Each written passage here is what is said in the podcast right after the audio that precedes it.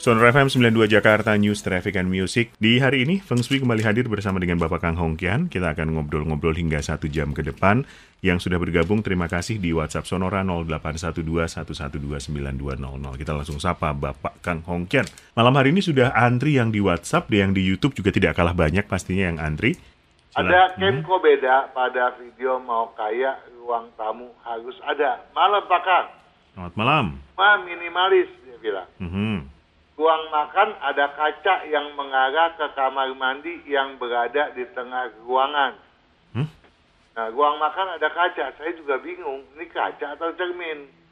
Dan mengarahnya ke kamar mandi. Apakah ke dinding kamar mandi ataukah ke pintu kamar mandi. Ya. Apakah ada dampak buruknya? Kalau cermin tadi, itu kalau betul cermin, -hmm. dia berada di ruang makan, itu bagus Kenapa bagus juga kan? Merefleksikan itu.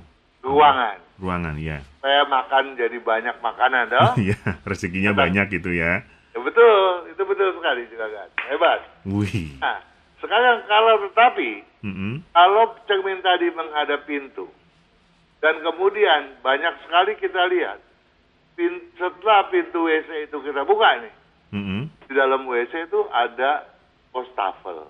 Mm -hmm dan di atasnya ada cermin. Mm -hmm. Nah, ini akan merefleksikan bui-bui air sehingga orang akan sering kali melihat bayangan. Bagi yang penakut ini dia bilang hantu. Jadi oh. kalau nggak takut apa? Nah, bagaimana solusinya jika di rumah minimalis kamar mandinya ada di tengah ruangan? Di tengah ruangan, ruangan apa nih juga Gan Daniel? Dia nggak menjelaskan.